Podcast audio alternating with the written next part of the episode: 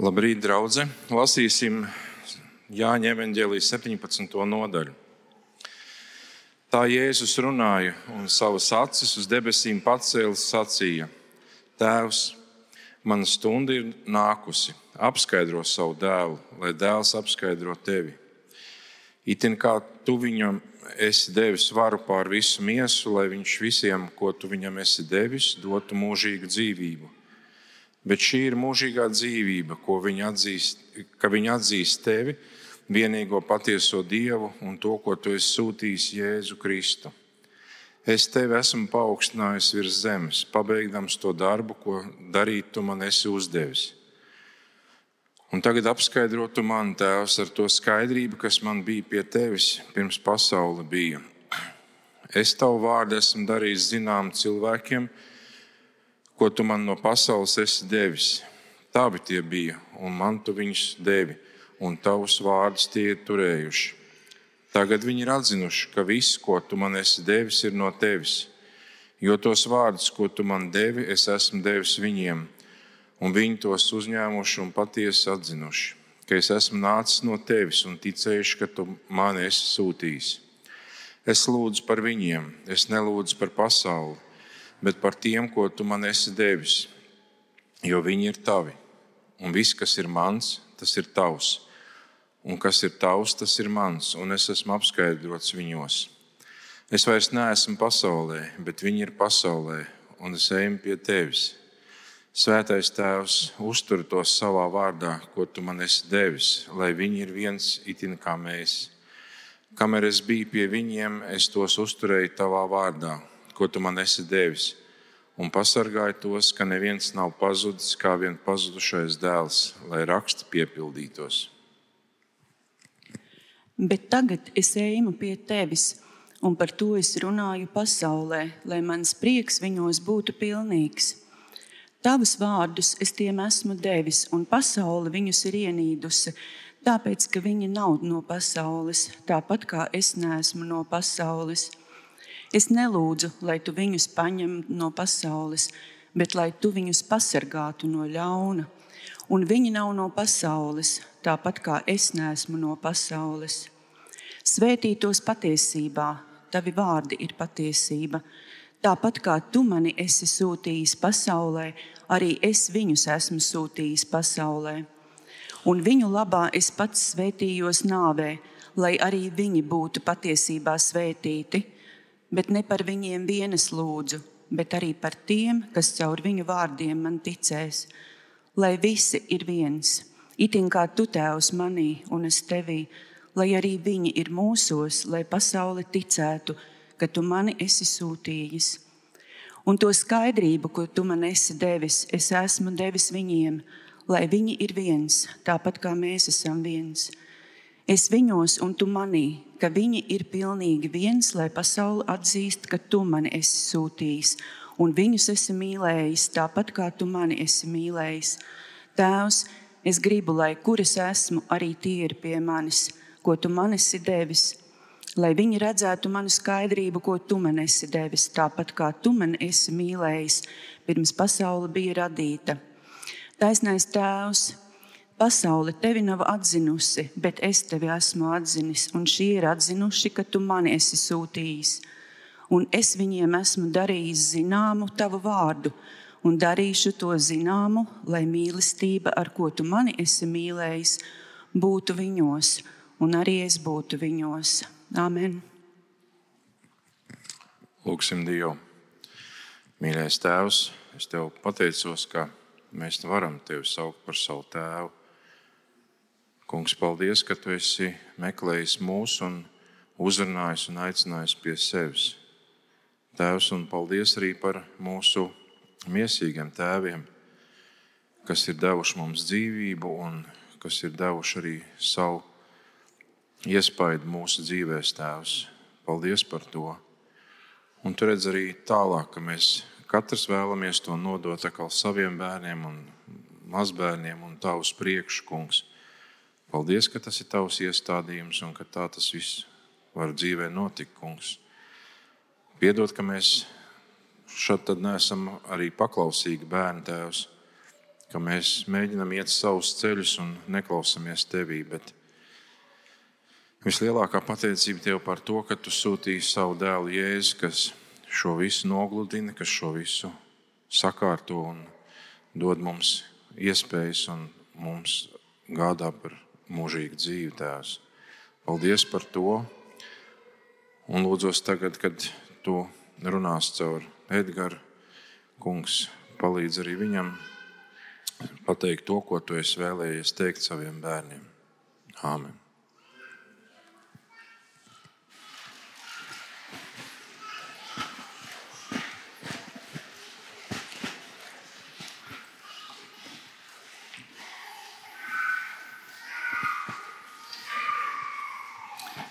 Kāda pavisam parasta diena.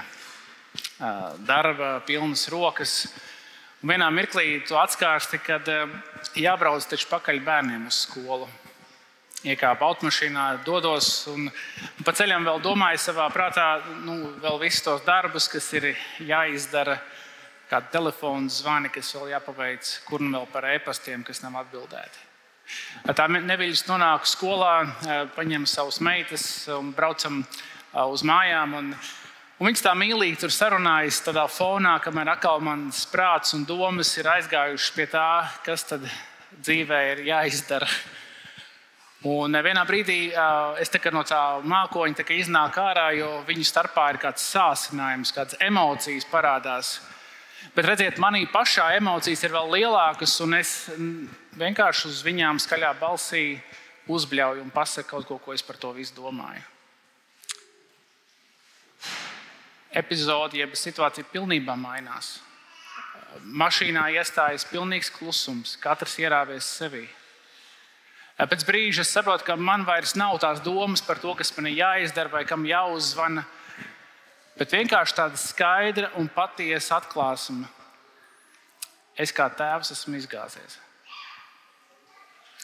Es pieļauju, ka eh, neesmu vienīgais, un es pieļauju, ka šī noteikti nav bijusi mana vienīgā dzīves situācija, kur es esmu izgāzies.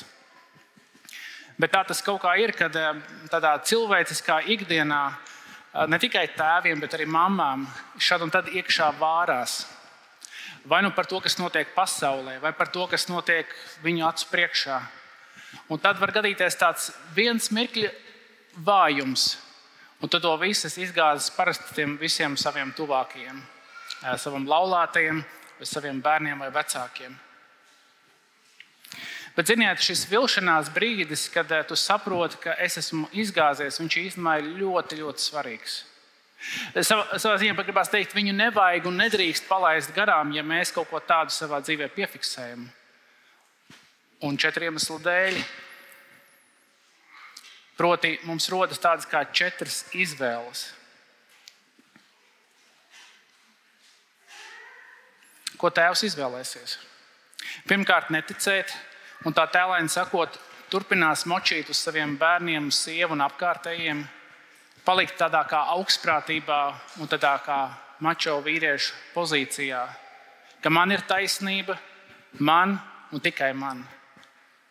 Un tās emocijas, kas man ir krājušās, viņas nav nekas slikts, bet pavisam normāli to izgāzt uz kādiem apkārtējiem. Šādi izaicinājumi pilnie brīži tēvam dod iespēju izvēlēties otro izvēli. Neticēt, neticēt, ka es esmu izgāzies un palikt pie, nu visiem taču tā gadās. Kurš tad ir perfekts? Savā ziņā šī situācija attīstīja mūsos tādu inertumu, inertumu pret grēku. Mēs sākam pazaudēt tos signālus, kad Dievs mums uzrāda, klausies, nu, tas bija garām, tas tā nevajadzēja. Mēs tikai, jā, jā, bet visiem tā gadās.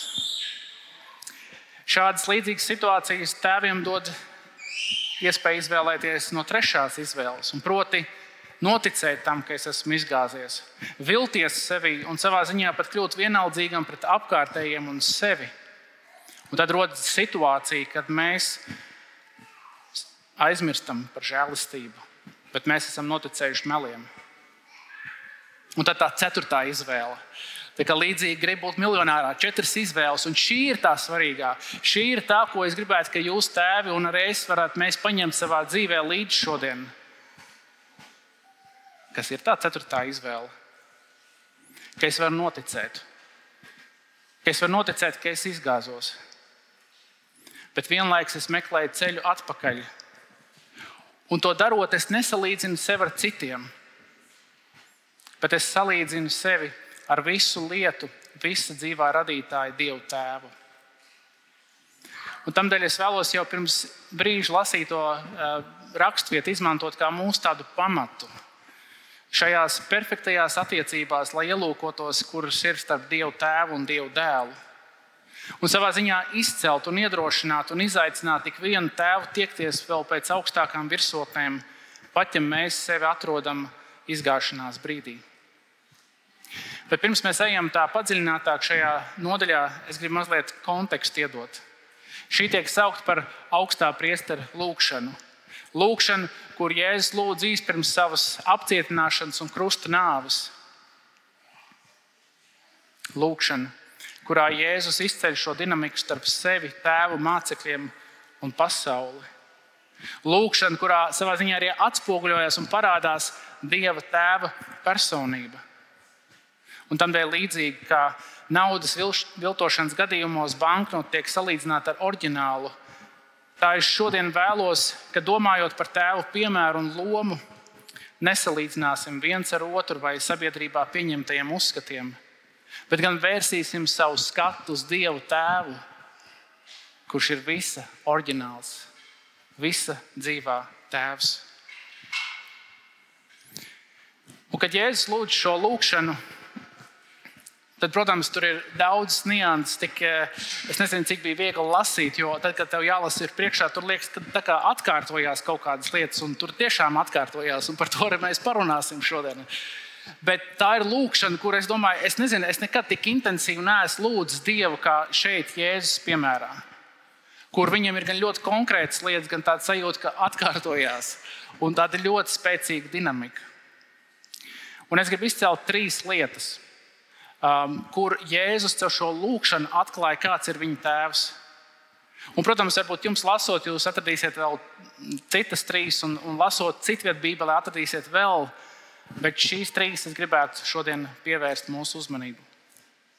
Pirmkārt, Tēvs mīl. Tēvs mīl. 24. pantu, kā piemēram, nolasīšu. Tēvs, es gribu, lai kur es esmu, arī tie ir pie manis, ko tu man esi devis. Lai viņi redzētu manu skaidrību, ko tu man esi devis. Tāpēc, ka tu mani esi mīlējis pirms pasaule tika radīta. Ziniet, jau pirms pasaule bija radīta, Dievs Tēvs mīlēja Dievu dēlu. Un tā ir tā viena no tām fundamentālajām atziņām, par ko mēs kā kristieši stājam, stāvam un iestājamies. Proti, ka šī pasaule ir Dieva radīta.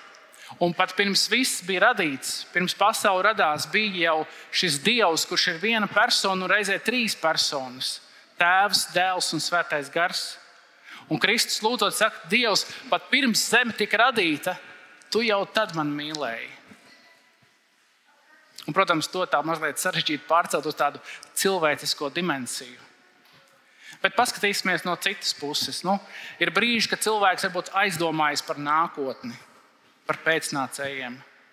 Kādreiz šīs domas tiek attīstītas virzienā par to, cik to bērnu varētu būt, par kāds, kāds būs viņa dzimums vai nākotnes nodarbošanās. Kaut kur mums palīdz iztēle, un mēs domājam, kā būtu, ja būtu. Un, ziniet, un daudziem kādā brīdī Dievs dod, piesakās maziņais, gaidīts, izsapņots, kādreiz kā liels pārsteigums, vai citreiz, kā tautā saka, nevēlam grūtniecība. Bet fakts paliek fakts. Dievs, kurš ir visa devējs, viņš dod mazulīti cilvēkam, tēvam un mātei.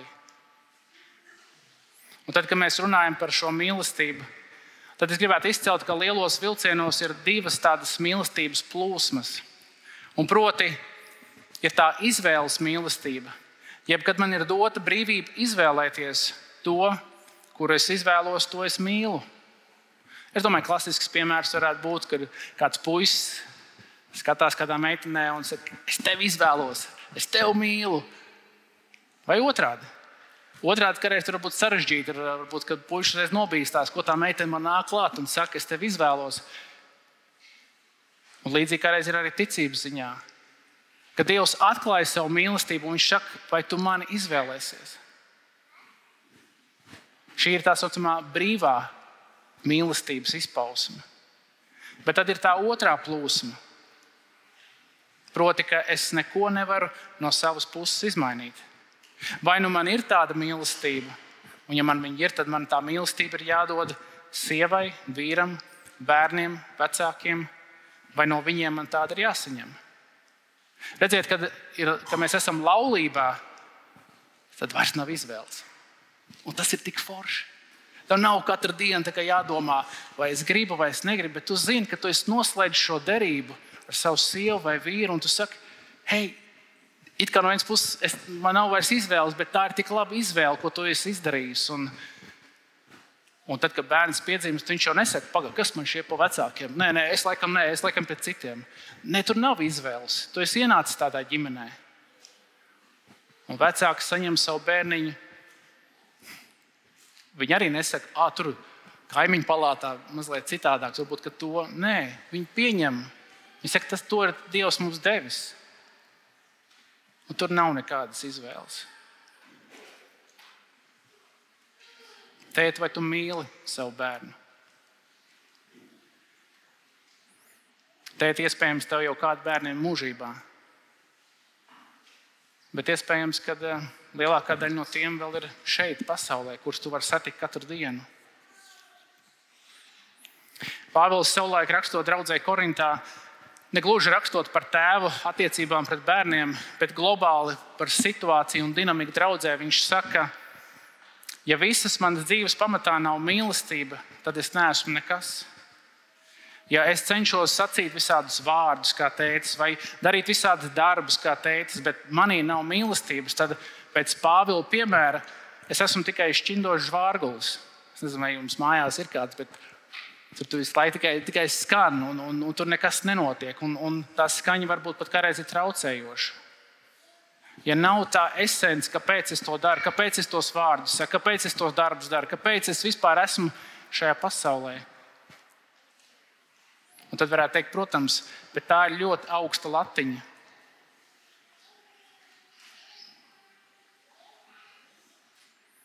Bet tēvā vai mēs esam pelnījuši kaut ko mazāku?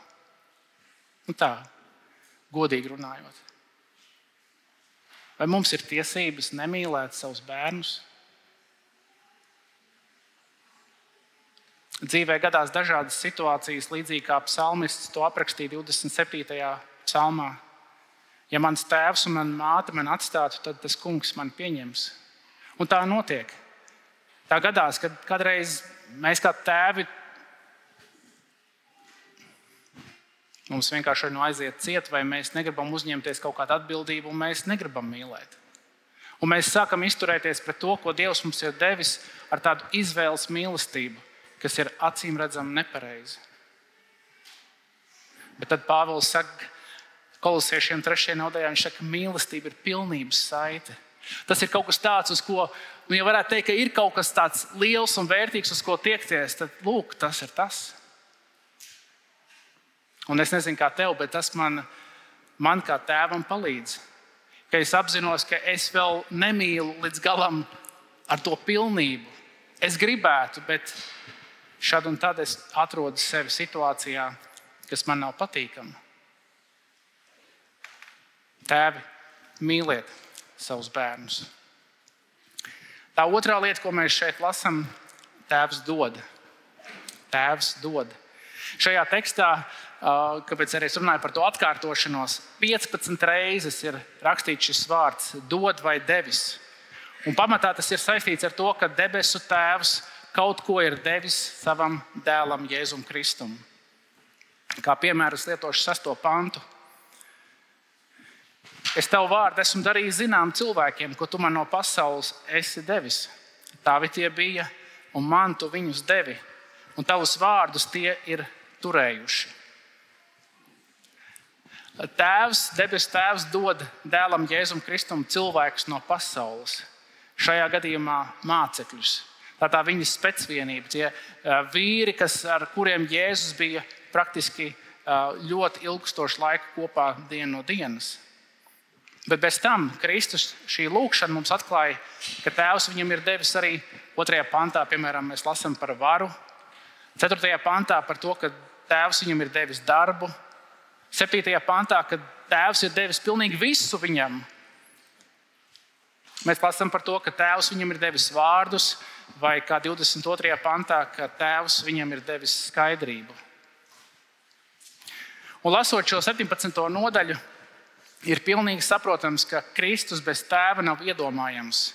Un Kristus to akcentē arī daudz vietā citur, piemēram, Jāņa Evangelija 14. nodaļā, 11. pantā, kur viņš saka, ticiet man, ka es esmu tēvā un tēvs ir manī. Bet, kad mēs ikdienā ieraugam mazu bērnu, tad tur radās tāda interesanta lieta. Proti, parasti apmeklētājs vai tas, kurš ieraug šo bērnu, mēģina šajā bērnā saskatīt kādu līdzību. Un tad notiek šī sacensība. Iespējams, ka vecāki tajā brīdī pie sevis tur īkšķus, nu, kaut es, kaut es. Un tad tas eh, skatītājs tad pasakā, o, līdzīgs kā tēvs vai līdzīgs kā mamma. Un tad iespējams tāds gandarījums un teikt, jā, atkal mani pieminēja. Un tā varbūt tāda sacensība. Nu, Bet tā ir tāda sava veida dievišķās svētības komponente, ka bērns arī pēc sava ārējā izskata ir līdzīgs saviem vecākiem. Tur ir tas bioloģiskās matemātikas rezultāts, kad saplūst pa 23 chromosomām no tēva un mātes. Bet tad ar laiku jau ir redzams arī tās iekšējās līdzības, kad saskatām līdzīgās raksturiezīmes. Bet, ja tā varētu teikt, tad šīs tikko pieminētās lietas ir kaut kas, ko mēs kā vecāki, tā skaitā tēvi, mēs īpaši ietekmēt nevaram. Un nav variants. Tu vari to frizūru jau ķemmēt, lai kaut cik, bet vispārējais tas ir Dieva dots.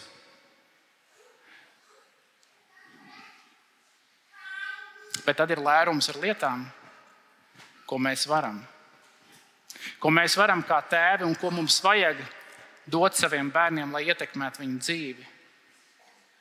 Un tad es gribētu pajautāt, eh, kāda būtu tava versija?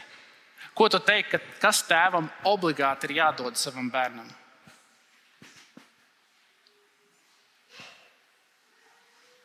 Ja veikt kādu aptauju, mums iespējams būtu daudz un dažādu atbildžu variantu. Bet aizvadītajā gadā Šeit arī tēva dienā mēs runājām par tēvu misiju, kas savā ziņā atspoguļo šajās trīs lietās, proti, būt kā garīgajam vadītājam, aizstāvim un apgādātājam. Tās, šīs atbildības savā ziņā apklāja visu bērnu dzīvi.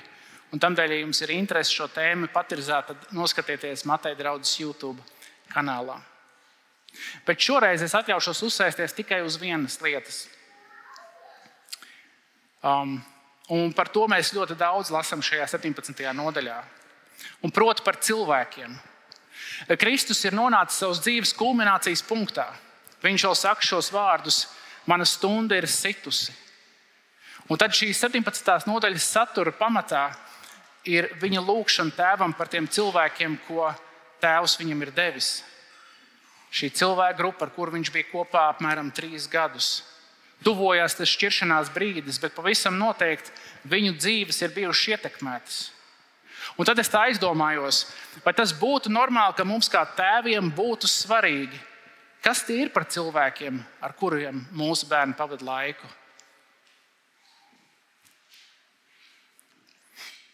Vai tas būtu normāli vai nenormāli? Ir tāds teiciens, pasaki man, kas ir tavi draugi, un es pateikšu, kas esi tu. Vēl vairāk gribu sacīt, ka visi cilvēki ir dieva radīti, bet ne visi cilvēki ir īstie tavam bērnam. Mēs bieži daudz vairāk šim pievēršam uzmanību, ja tas ir saistīts ar maziem bērniem, kur nonāk saskarē ar pieaugušajiem. Latvijā tas vēl nav tik ļoti attīstīts, bet Bet jebkuram pieaugušajam pēc būtības būtu jādabūna atļauja no iekšlietu ministrijas kaut kādiem departamentiem par to, ka viņam nav nekādi pārnodarījumi um, pret bērniem. Uh, kad taisīt nometnes, pēc būtības tā ir viena no lietām, ko vēl obligāti nesaka, bet nu, visu laiku tur saka, jums ir jāzina, kas ir tie skolotāji, kas ir kopā ar bērniem. Un mēs savā ziņā saprotam, ka tas ir loģiski, ka mazais neaizsargātais bērns aiziet kaut kādā vidē, vai tā būtu skola vai uh, kāda nometne un mēs gribam, lai tas bērns ir pasargāts. Bet kas notiek, kad bērns paaugās? Kāpēc mums pēkšņi vairs tas tik ļoti neinteresē? Un kā būtu, ja mēs, kā tēvi, dotu saviem bērniem viņu dzīvē cilvēkus, kas nestu svētību? Un, ziniet, nē, es nedomāju savu veidu aprēķinu vai vecāku piespiestu, uzspiestas draudzības, bet gan mērķiecīgi lūgt Dievam spēju saskatīt, kur ir tie cilvēki, kas pozitīvi spētu ietekmēt mūsu bērnu dzīvi. Apzinoties dzīves dabīgo realitāti un vecuma posmu īpatnības, proti, ka pusauģu gados autoritātes tiek meklētas ārpus mājām. Ko mēs kā tēvi varētu darīt? Protams, ka šajā gadījumā tā ir liela spekulācija cik lielā mērā mācekļi ietekmēja Jēzus dzīvi. Jēzus ir Dievs. Un eh, tamdēļ šī spekulācija būtu nevietā. Bet tas neatceļ to domu, ka Dievs Tēvs Dievam dēlam deva šos mācekļus, kas pat Jēzum liek lūgt kaut kā īpaši par viņiem, proti, 9. pantā. Tēvs, es lūdzu par viņiem. Es nelūdzu par pasauli, bet par tiem, ko tu man esi devis jo viņi ir tavi. Tātad Tēvs mīl, Tēvs dod, un trešais Tēvs sūta. Šajā tekstā septiņas reizes ir šis vārds sūta vai sūtījis. Un kā piemēra es iedošu astoto pantu. Tos vārdus, ko tu man devi, es esmu devis viņiem, un viņi tos uzņēmuši un patiesi atzinuši, ka es esmu nācis no tevis un ticējuši, ka tu mani esi sūtījis. Eh, Dieva lielā misija atklājas jau no paša sākuma, tā paša Jāņa rakstītajos vārdos, evanģēlijā, 3. nodaļā, 16. un 17. pantā. Jo tik ļoti Dievs pasauli mīlējis, ka Viņš devis savu vienpiedzimušo dēlu, lai neviens, kas viņam tic, nepazustu, bet dabūtu mūžīgo dzīvību. Jo Dievs savu dēlu nav sūtījis pasaulē, lai tas pasauli tiesātu, bet lai pasaule caur viņu tiktu glābta. Un, tēti, domājot par to, ko mēs varam dot saviem bērniem, tad mums ir kā tēviem jāatceras, ka labākais, ko mēs varam dot pasaulē, ir sūtīt pasaulē mūsu mīlētus un mūsu sagatavotus bērnus. Bērniem ir jābūt gataviem šai pasaulē. Bet te parādās viena skaudra realitāte. Jāņa Evangelija 3. nodaļā, no 19. līdz 20. pantam. Gaisma ir nākusi pasaulē, bet cilvēkiem tumsība ir bijusi mīļāka par gaismu. Tāpēc, ka viņu darbi bija ļauni. Jo ik viens, kas dara ļaunu, ienīst gaismu un nenāk pie gaismas, lai viņa darbi netiktu atklāti. Un tā ir tā skaudrā patiesība, kas dažkārt mūs var paralizēt. Es teiktu, pat slimīgi, ka mēs domājam, ka Pie mums ir tik labi un, un pasaulē ir tik slikti.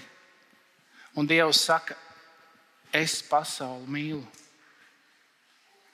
Ja viņi ir ļauna, bet es pasauli mīlu. Un vai varētu būt tā, ka Dievs gatavo tevi un tavus pēcnācējus, lai caur tevi un taviem pēcnācējiem mainītu šo pasauli? Tas ir tas, kam es ticu. Un kad es skatos uz Kristus piemēru, kur pats Dievs Tēvs sūta savu dēlu šajā pasaulē, viņš to apliecina, viņš to parāda.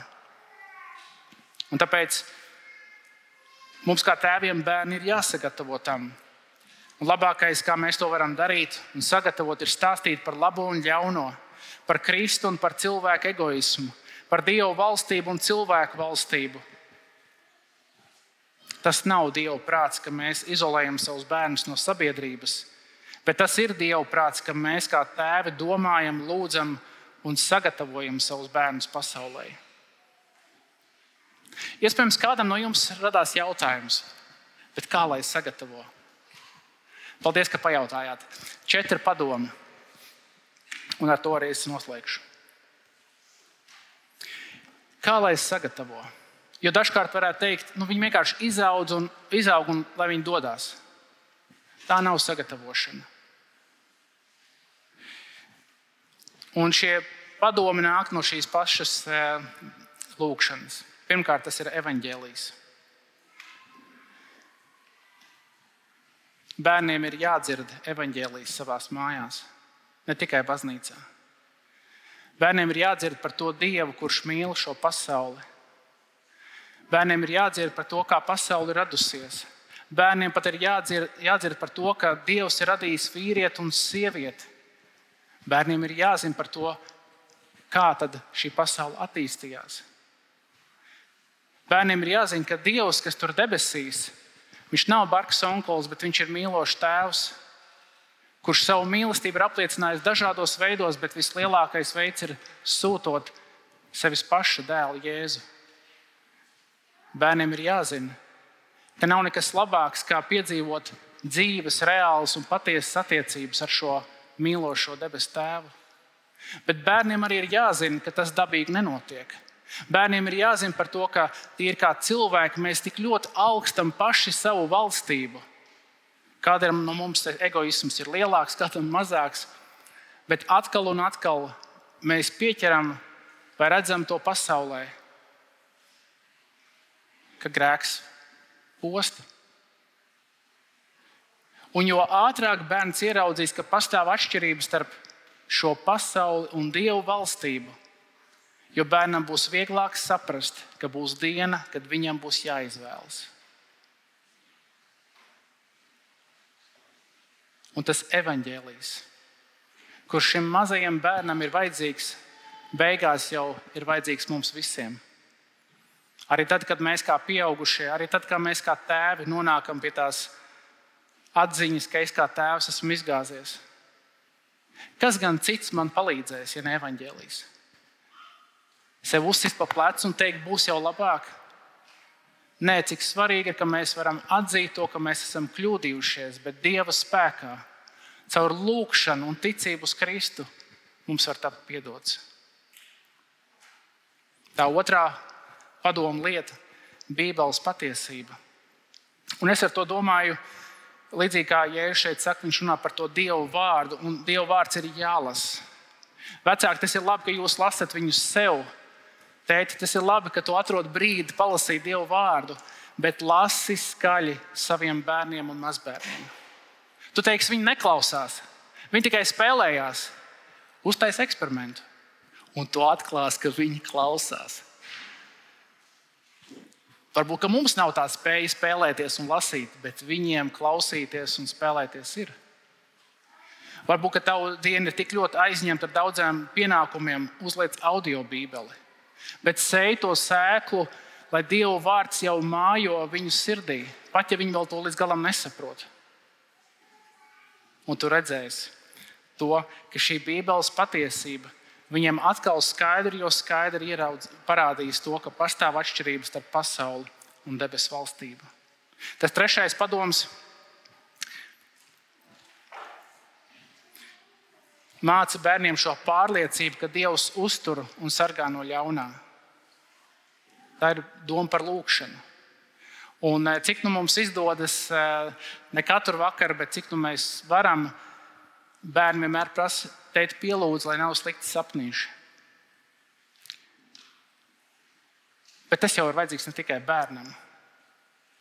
Kad tu dodies uz šo darbu interviju vai tev ir kāda izaicinājuma attiecībās, cik svarīgi, ka mēs varam nest to Dievu priekšā un teikt, Dievs, sargi no ļaunā.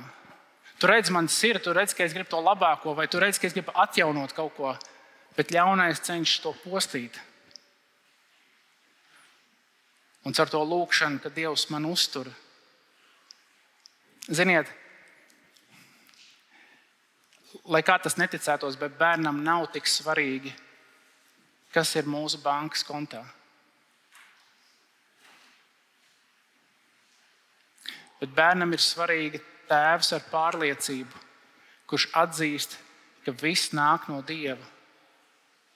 Un ar to, ko Viņš dod man, es centīšos pēc labākās sapratnes arī kalpot savai ģimenei. Tās ceturtais padoms par vienotību, ne jau par jauno, bet par veco labo draugu vienotību, kurā tavam bērnam ir vajadzīgs redzēt, ka viņš ir daļa no draudzes, kurā ir citi tieši tādi paši bērni. Dažreiz varbūt trobelējās tie pusauģi, tie fusionisti, tie jaunieši, kas lai trobelē. Tādā perspektīvā, kad ja evaņģēlijas tiek sludināts viņiem, tad tā ir tā svētība, ko mēs ceram ar Dievu palīdzību kādu dienu, kad arī spēsim redzēt, ka tā dzīve nesīs augļus. Bet es jau jums teicu, es tuvojos beigām. Tā nav liela māka, kādu pasūtīt, bet tā ir liela atbildība un vienlaikus gandarījums, kādu sūtīt. Ka tu vari iedot savam bērnam tādu kā autoritāti, kā vārdā tu nāc, kas tev ir sūtījis. Bet nevar noliekt, ka labākais sagatavošanās darbs ir paša piemērs, tēti. Jo projām bērnam ļoti nozīmīgs ir tavs paša piemērs. Kad es pats dzīvoju ar apziņu, ka Dievs arī man ir sūtījis šajā pasaulē, un ne jau tikai priekš savas ģimenes. Tā apziņa, ka es neesmu perfekts, bet es apzinos, ka Dievs vēlas man iesaistīt pasaules glābšanas plānos. Arī Kristus apzinās šo dinamiku, un 18. pantā mēs lasām, kad viņš lūdz: Tāpat kā tu mani esi sūtījis pasaulē, arī es viņus esmu sūtījis. Bet tad, liekot punktu, es gribu atgriezties pie sākumā izceltā. Tēva dzīvē ir šīs situācijas, kad sakām, ka es esmu izgāzies. Es esmu izgāzies mīlot, es esmu izgāzies dodot, un es esmu izgāzies sūtot. Un daudzās citās dzīves jomās. Bet ko darīt? Ko darīt, ka es skaidri zinu, ka es esmu izgāzies? Un tā ir tā labā ziņa arī šodien tev un man, ka šodien ir īstā un labākā diena, lai nāktu atpakaļ pie Dieva. Lai nāktu un piedzīvotu viņa žēlastības tuvumu. Nožēlot, ja mēs zinām, ka Viņš mums konkrēti uzrāda, kas mums ir jānožēlo. Lai mēs paši, kā tēvi, varam piedzīvot debesu tēva lielo mīlestību pret mums lai varam paši piedzīvot, ka Viņš mums dod šo žēlastību, lai varam atkal iziet ar pārliecību, ka Jēzus man sūta.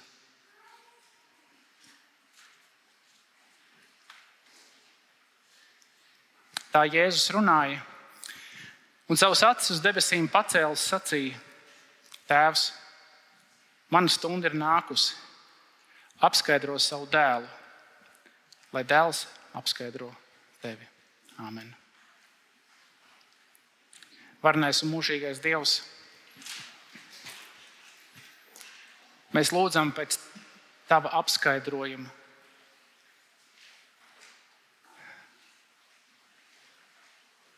Kungs, mēs lūdzam, ka mēs caur savu dzīvi varam Tev pagodināt. Debes Tēvs, mēs īpaši kā draugi lūdzam par ikvienu tēvu, Debes Tēvs, sargi, sargi ikvienu no viņiem. Lai mēs nekrītam šajā vēlnu maldu jūrā, ka vai nu kļūstam augstprātīgi, vai gluži pretēji cietsirdīgi. Bet Kungs dod mums tādu jūtīgu sirdi, ka katru reizi, kad tu uzrādi, ka esam kļūdījušies, vai kā tēvi esam izgāzušies, ka mēs varam nākt tavā priekšā un lūgt atdošanu, saņemt to un dzīvot uz priekšu, dodot to mīlestību, ekipējot savus bērnus šai dzīvei un palaižot viņus plašajā pasaulē ar to apziņu. Tēvs, kā tu man esi sūtījis, tā es sūtu viņus. Amen.